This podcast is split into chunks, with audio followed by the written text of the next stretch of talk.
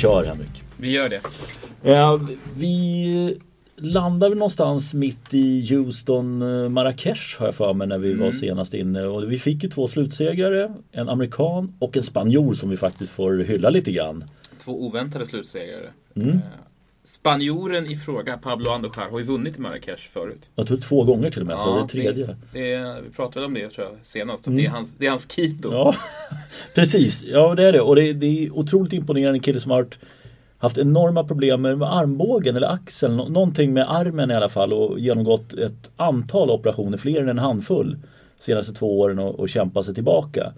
Eh, det måste man ge honom rätt bra. Så Barcelona gav ju honom ett wildcard till kvalet eh, och lyckades ju faktiskt ta sig in även om man förlorar kvalfinalen som lucky loser. Eh, roligt. Den andra i USA fick en hemmasegrare. Det var ju en helamerikansk final till och med. Ja, eh, där Steve Johnson till slut stod som segrare. Inte den amerikanen som jag trodde skulle eh, ha mest att göra med den segern. Nej, det var väl John Isner va, som var... Ja, Ja, ja. Eh, tillbaka i, i gammal vanlig form Ja. efter eh, Masters-turneringarna. ja nej, men det, det var och han mötte Tennis Sandgren. Jag satt och tittade lite grann på den matchen. Det var rätt underhållande spel faktiskt emellanåt. Sandgren ser rätt bra ut på grus faktiskt. Mm. Eh, det får man ge honom. Ja. En av de amerikaner som, som tror jag utgör ett mest konsekvent hot på det underlaget. Ja, men det, det är lite intressant en sån, för han är också en late bloomer. Det är ju ingen ungtupp direkt, Tennis Sandgren. Och visar då ändå att det här eh, Australian Open eh, succén får man väl lov att säga. Precis. Att det inte bara var en engångsföreteelse. Nej men exakt. Eh, han är ju inte topp 20 material Nej. i min bok. Men topp 50 Ja. definitivt. Ja, det, det skulle han kunna det vara. han kunna gneta sig till en ganska hygglig karriär. Mm, det kommer bli intressant att följa honom under året.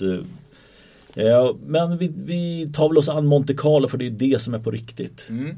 Eh, Och vad, ja, vad vill du börja? Nej men jag, jag, jag måste säga att jag, jag återfann tennisglädjen den här veckan. Jag tycker det var en jäkligt härlig vecka. Det, det, jag blir glad av att höra det. Jag ser hur det lyser lite i ögonen på dig. För, ja, men vi, vi har varit inne lite i, i en liten svacka du och jag, när, just känslan Ja, det. precis. Vi, vi, har- vi har kollat men jag har liksom känt så här, ah, det är inte lika kul som det har varit. Nej. Men, men jag tycker att, att eh, saker och ting vaknar till liv. Det känns som att liksom hela tennis eh, säsongen mötte våren i Monte Carlo, precis som vi gjorde i Sverige. Ja, Eh, det var bra matcher, det var kul saker som hände. Det var rätt sorts spelare som gick långt. Det var alltså, riktigt underhållande tennis rakt igenom tycker jag. mm. Eh, vi kan väl ta då att Rafael Nadal vinner. Det hade varit en större skräll om han inte hade vunnit. Så att det är bara att konstatera, han är överlägset bäst på grus. Han är kanske mer överlägsen på grus än han någonsin har varit. Men det känns ju som att det är nästan så att motståndet eller motståndarna har inte liksom steppat upp. Det är ju ingen som kommer närmare. Eller? Nej, och det har väl att göra med att hans två största konkurrenter på det här underlaget, Andy Murray och Novak Djokovic, eh, är inte ens i närheten av, av att hota honom. Djokovic, om vi börjar med honom, ska ju, var ju där.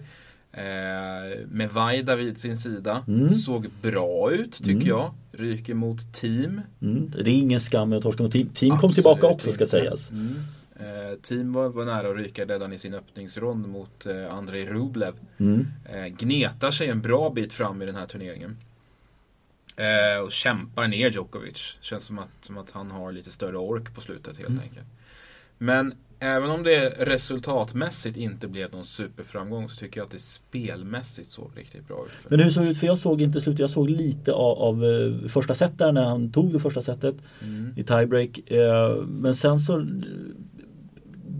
blev han passiv eller liksom, han har ju pratat lite om att det liksom sitter inte där riktigt det som ska sitta. Jag tycker att det börjar sitta allt mer. Mm. Vi har pratat tidigare om att det känns liksom eh, som att han misslyckas med så basala saker som, som att komma till bollen på Mm. rätt sätt. Eh, och, och, liksom hänga kvar i dueller. Men jag tycker att nu börjar, börjar liksom saker och ting falla på plats. Den här fina crosscourt backhanden tycker Mm. jag är tillbaka. Han, han ser mycket bättre ut i ytterlägena. Mm. Eh, För det brukar man kunna se, det har vi sett prov på Nadal när han inte var som bäst, när han inte kom ut Nej, i exakt. ytterlägena. Och där tycker jag att han är på väg tillbaka. Jag tycker fortfarande att han servar lite för dåligt. Mm. Tappar serven mycket. Eh, och sen så märks det att han har lite orutin av långa matcher här nu. Eh, sen ska jag säga så att Team eh, är en spelare som jag tycker flera gånger under den här veckan eh, ändrade sin gameplan ganska ordentligt. Och det är ju lite ovant för vi har ju sett honom springa och ränna bakom baslinjen. Vi vet han ändrar även justerar i det men större ändringar kanske man ska ja, säga. Ja men exakt och det, det handlar ju framförallt om det som, som vi har efterfrågat så mycket om en offensivare utgångsposition. Han kliver fram och tar tag i taktpinnen när han har behövt. Eh, tyvärr ganska sent då i matcherna så att han har ofta hamnat i underlägen och liksom det är i, i ett avgörande sätt. Då gör han de här justeringarna för att vinna. Han frångår ogärna sin ursprungsplan. Mm. Eh, men jag tycker att han sätter lite större press på, på Djokovic. Ger honom lite mindre tid att jobba på och då, då är han bättre. Mm. Han är väl egentligen den, den, största utmanaren om han får hålla sig hel fram till franska. Utmanare och utmanare men i alla fall någon som har skuggan av en chans mot Nadal. Ja, Eh, trots. Dock, trots att Nadal levererar ett sånt jäkla statement. Och det, där var ju, det där var ju en eh, markering från fjolårsförlusten. Oj, oj, oj, oj, ja. Han tänker inte torska mot team i år. Nej. Och det är, det är team som är det största hotet mot honom i år. Eh, och att, att, släppa två game på det här sättet. Wow. Mm. Han ville trycka ner honom i skorna. Mm. Det, det, var en markering. Oerhört fint. Eh, Kei Nishikori sluggar mm. sig fram till final. Konstigt tycker jag. Tycker inte han såg bra ut alls. Eh, såg flera matcher med honom. Eh, kommentatorerna var gång på gång inne på att han hade dåligt kroppsspråk. Eh, det kan man till viss del hålla med om, men det tycker jag var genomgående varit lite så genom hela hans karriär. Att han ser lite eh, han har svårt att tända till mm. när han behöver. Han har svårt att hitta den där extra nivån. Svårt att, att, att vara den här omöjliga vinnaren som han måste vara i en del lägen. Men han kämpar sig kvar. Eh, ja, i tre tresetsmatcher tar han sig igenom och ja, en precis. via raka mot Kachanov. Och återigen höjer sig när det, när det behövs och, och, står för en rad spektakulära poäng. Får, får, får till det här eh, fantastiska kontringsspelet som han är så otroligt mm. bra på. Det som jag tycker att han och Djokovic senaste åren har varit bäst på egentligen. Det här att kunna ta bollen tidigt utan att driva på med kraft. Men, mm. men ständigt sätta motståndare i tidsnöd genom att, att vara så jäkla säker på sig själv att man kan ta bollen på uppstuds. Och, och äh, det, då, är han, då är han ruggigt bra och hur han kan använda motståndarens fart till sin egen fördel. Mm. Han hänger med alla. Mm, ja, det gör han. Det är kroppen som kanske inte hänger med. Men vi återkommer till det. Eh, sen får vi lov att säga att Dimitrov och Alexander Zverev är ju kul att se att båda två presterar lite grann. Ja. Eh, definitivt. Dimitrov gör en jättebra turnering. Han är chanslös mot Nadal. Han ger upp efter första set mm. egentligen. Ska säga. Andra spelar han bara av. Det, då skiter han i det. Mm. Han försöker, han ger verkligen allt han har i första men det hjälper liksom ändå inte. Nej, det är nog oerhört svårt att mentalt klara av att ladda om. När man... Ja, men, exakt. Och, och, när Nadal liksom sår det här fröet av hopplöshet hos en motståndare, då är han oövervinnelig. Mm. Uh, och det, det, är inte många som klarar av det, men, men han, han, kan verkligen ingjuta känslan av att hos en motståndare att det spelar ingen roll vad jag gör. Nej. Jag kommer inte att vinna, jag, jag kommer inte igenom honom. Nej. Och det, det var där Dimitrov hamnade. Men en bra turnering av honom, absolut. Ja, och som sagt Zverev eh, också roligt. Nu kanske snart, nu går jag lite bakåt här då. Marin Cilic halkade sig fram till kvartsfinal för Raonic. Drog sig ur, återigen då, skadeproblem. Det var det knät som, ska, som spökade den här gången. Men Cilic har vi varit inne på tidigare. Han är inte spelare. Jag tror han kommer prestera bättre i Masters när han inte är sidad tvåa. Det tror jag också.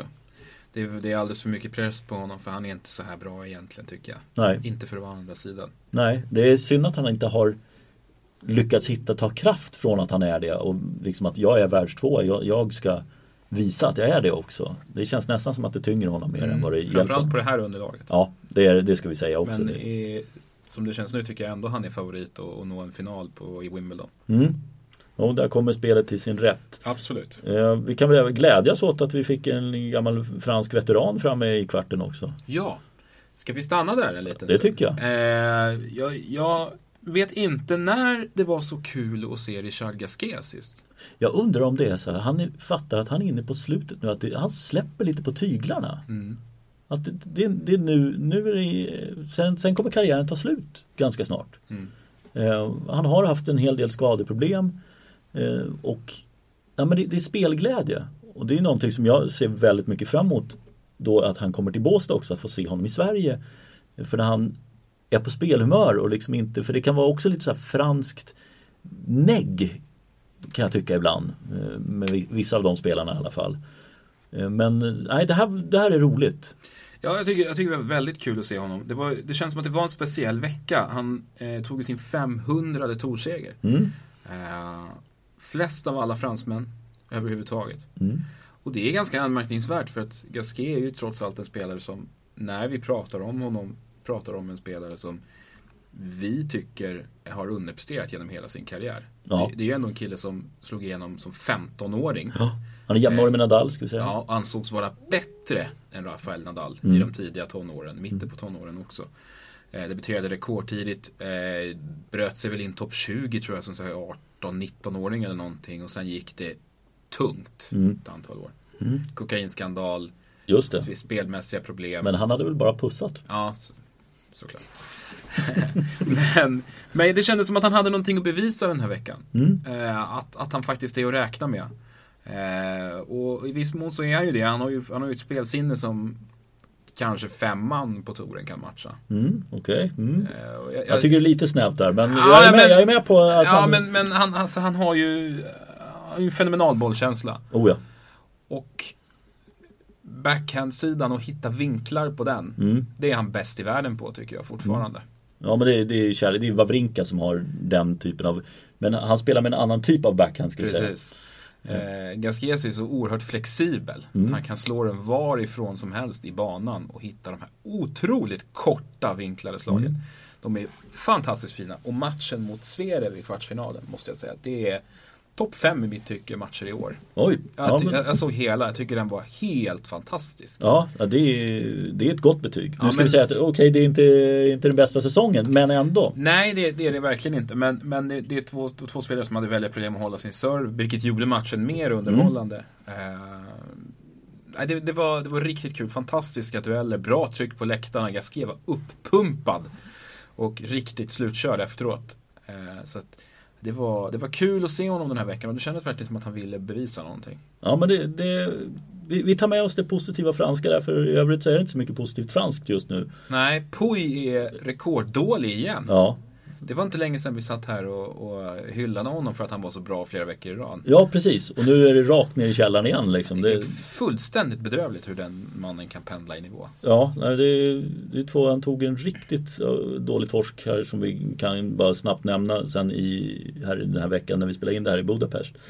Eh, Men även i, här i, i Monte Carlo så var det ju allt annat än bra när han åker dit mot Mischa Zverev och Mischa Zverev är inte en grusspelare. Verkligen inte. Eh, någon annan som har underpresterat, jag är ju lite, nu förlorar han mot Gasquet, men Schwartzman som jag ännu har trott att han skulle kunna göra mer på den här grussäsongen. Jag får intrycket av att det tror han själv också. Mm. Eh, han har ju varit förbannad här den här veckan Ja. också. Sula racket där, han är inte i balans. Han får inte ut det han vill ha av spelet. Jag tycker han började rätt lovande på hardcourt. Mm, Men han har ju inte alls lyckats föra över det när de klev ut på gruset. Vilket är konstigt. verkligen. Eh, jag, jag hade ju de som minns våra ofta ganska felaktiga tippningar kommer säkert ihåg att jag, jag tippade honom rätt högt Ja. snudda mot, mot topp 10. Tyckte jag inte alls kändes orimligt när Nej. den här säsongen började. Men han är inte ens i närheten av den formen nu. Tråkigt. Tråkigt, men det är långt kvar. Eh, I övrigt då så kan man väl säga att Thomas Berdych torskar mot, eh, mot Nishikori och Berdych har det svårt. Nishikori skadad igen. Mm. Vi kan väl kliva över där då när vi ändå Ska pratar. Ska, ja, eh, direkt veckan efter och han ska, Vilket vi båda när vi möttes här direkt efter så var det, men varför ska du spela den här Ja. turneringen?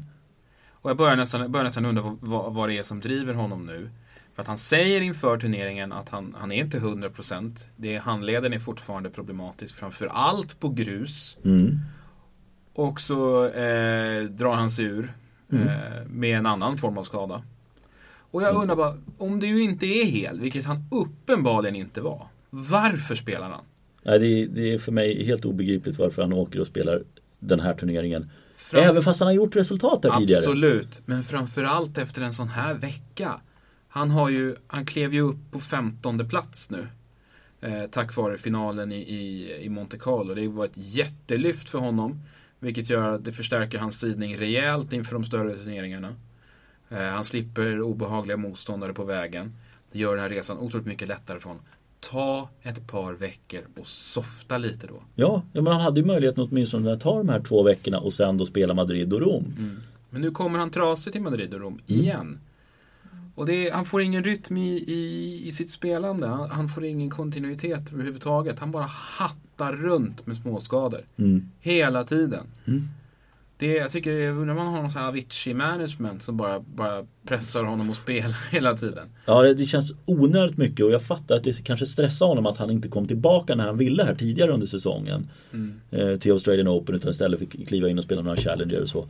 Men det, det ja, jag, jag förstår inte heller riktigt det där varför varför? Sen är det inte omöjligt att man får andra typer av liksom, lättare skador av när man kommer tillbaka. Men jag är inte helt säker precis som du säger där med, med att handleden, den är inte lätt. Vi vet det från Del Potro, vi vet det från Djokovic och det är inte lätt att komma tillbaka från de där problemen. Nej.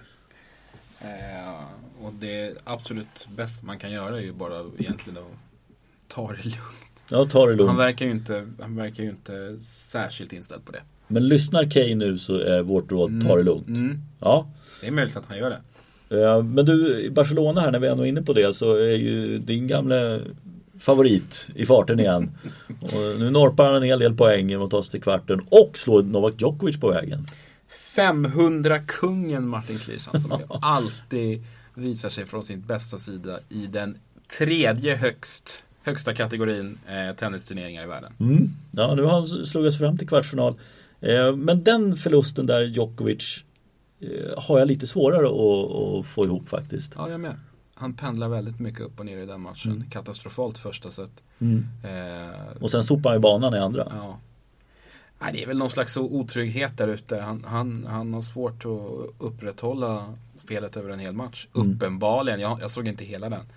Eh, sen är ju Klisha bra och jobbig att möta. Mm. Han ger ju inte sina motståndare någon rytm.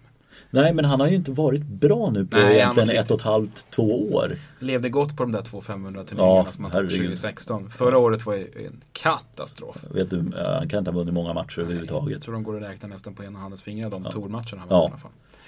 Eh, Nej, men det, så han har inte varit bra. Nej, och det, när vi spelar in det här så eh, är han fortfarande kvar i turneringen men det är nog mer av på pappret för att han möter Rafael Nadal. Ja, det bör ju vara färdigspelat där, men vi ska säga det. Han slog ut Feliciano Lopez efter det här. Så det Mm. var ju ingen, nu är ju Lopez in, inte någon superstjärna på grus just. Men, Nej. men det är ju ingen slump. För han tar honom med 6-1, 6-4. Mm, Han är ju bevisligen i form igen. Verkligen. Eh, kommer inte bli sidad, det kan vi nog garantera till Franska öppna i alla fall. Nej. Men i övrigt så är det ganska många sidade spelare som är framme. Vi kan väl nämna att Pablo Andujar kom in som lucky loser. Eh, och lyckades väl vinna två matcher innan han förlorade mot Bautista Agut. Inga konstigheter med det. Eh, är det någonting annat vi behöver säga om Barcelona? Eh, Stefano Tsitsipas börjar röra på sig riktigt ordentligt. Tycker vi såg bra saker från honom i Australian Open. Är ju lite bättre på, på grus. Mm. Eh, riktig finlirare, härlig backhand. Eh, kan, kanske inte hård som sten direkt. Men en kille som, som vi kommer att njuta av länge och, och få se honom spela. Ja men det kommer och det märker man ju också på eh, när det kommer eh, lite sköna korta klipp från, eh, från matcher så är det Mm. väldigt mycket Tsitsipas. En highlight-spelare. En highlight-spelare, Mm. inte av Monfils klass dock. Nej, men, men eh, helt klart sevärd. Mm. Kul att det går bra för honom. Han är, han är ung och har, kommer ha mycket att ge framöver. Eh, men i övrigt då, Monfils förresten, var, var han uppe och, och spelade paddel på... Han skulle göra det i alla fall. Jag vet inte om han gjorde det. Jag var aldrig där. Men, men eh, eh, jag tror det.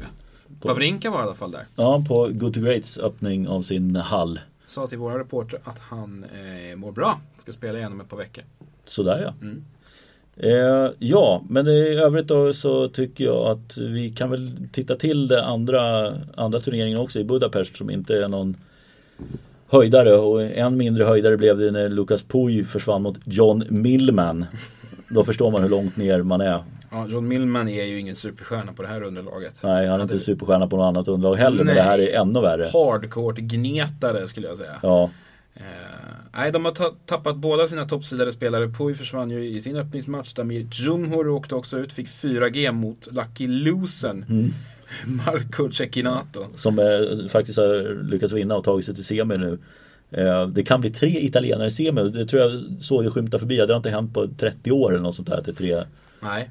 Ja, det, är, det, är ju, det är ju riktigt märkliga namn långt framme i den här turneringen. Alltså, om jag hade varit tournament director i Budapest så hade jag nog slitit mitt hår.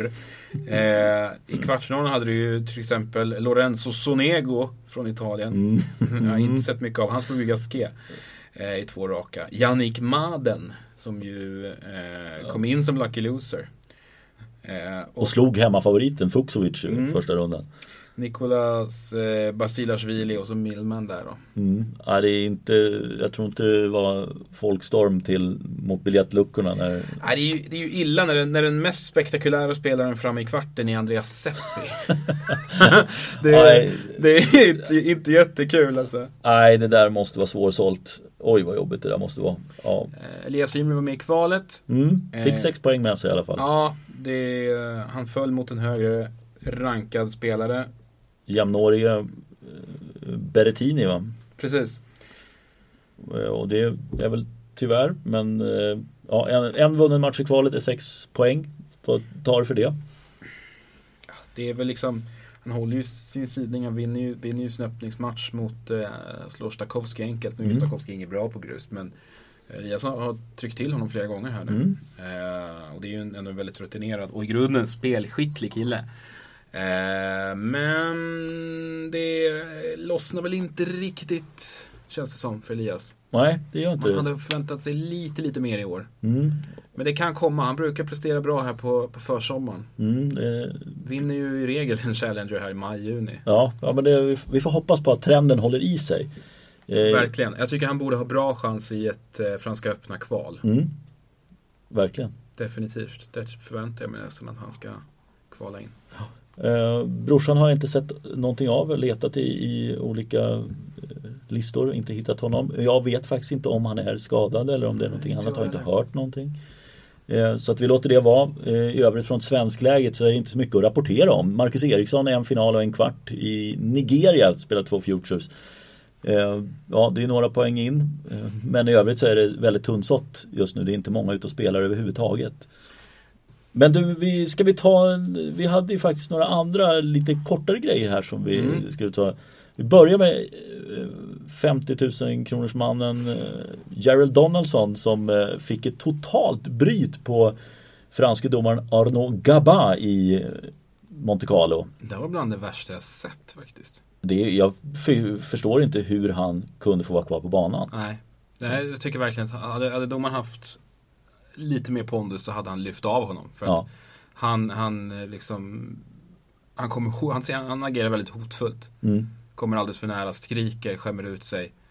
Jag hade väl fel också va? Jag tror att han hade fel i slutändan ja, också. Ja, just, just den biten har fallit bort i, i diskussionen efteråt. Ja, men... men diskussionen har ju åter nu att man ska införa Hawkeye även på grus. Jag tycker fortfarande att det, det finns en, en viss charm när, när märket är där. Ja, det kan uppstå situationer då det är tveksamt. Men det är en del av spelet. Ja, absolut. Så att, ja, den, den, tycker jag inte man ska ge sig på än. Ja, jag håller med dig. Jag, jag tycker att Hawkeye kommer ju i 99 fall av 100 vara totalt överflödigt på, på grus. Ja. Och det, nej, så... nej, det var, det var riktigt risigt beteende faktiskt. Ja, men man reagerar lite på han får då 5000 euro i böter, han får 17 500 euro för att kliva in på banan.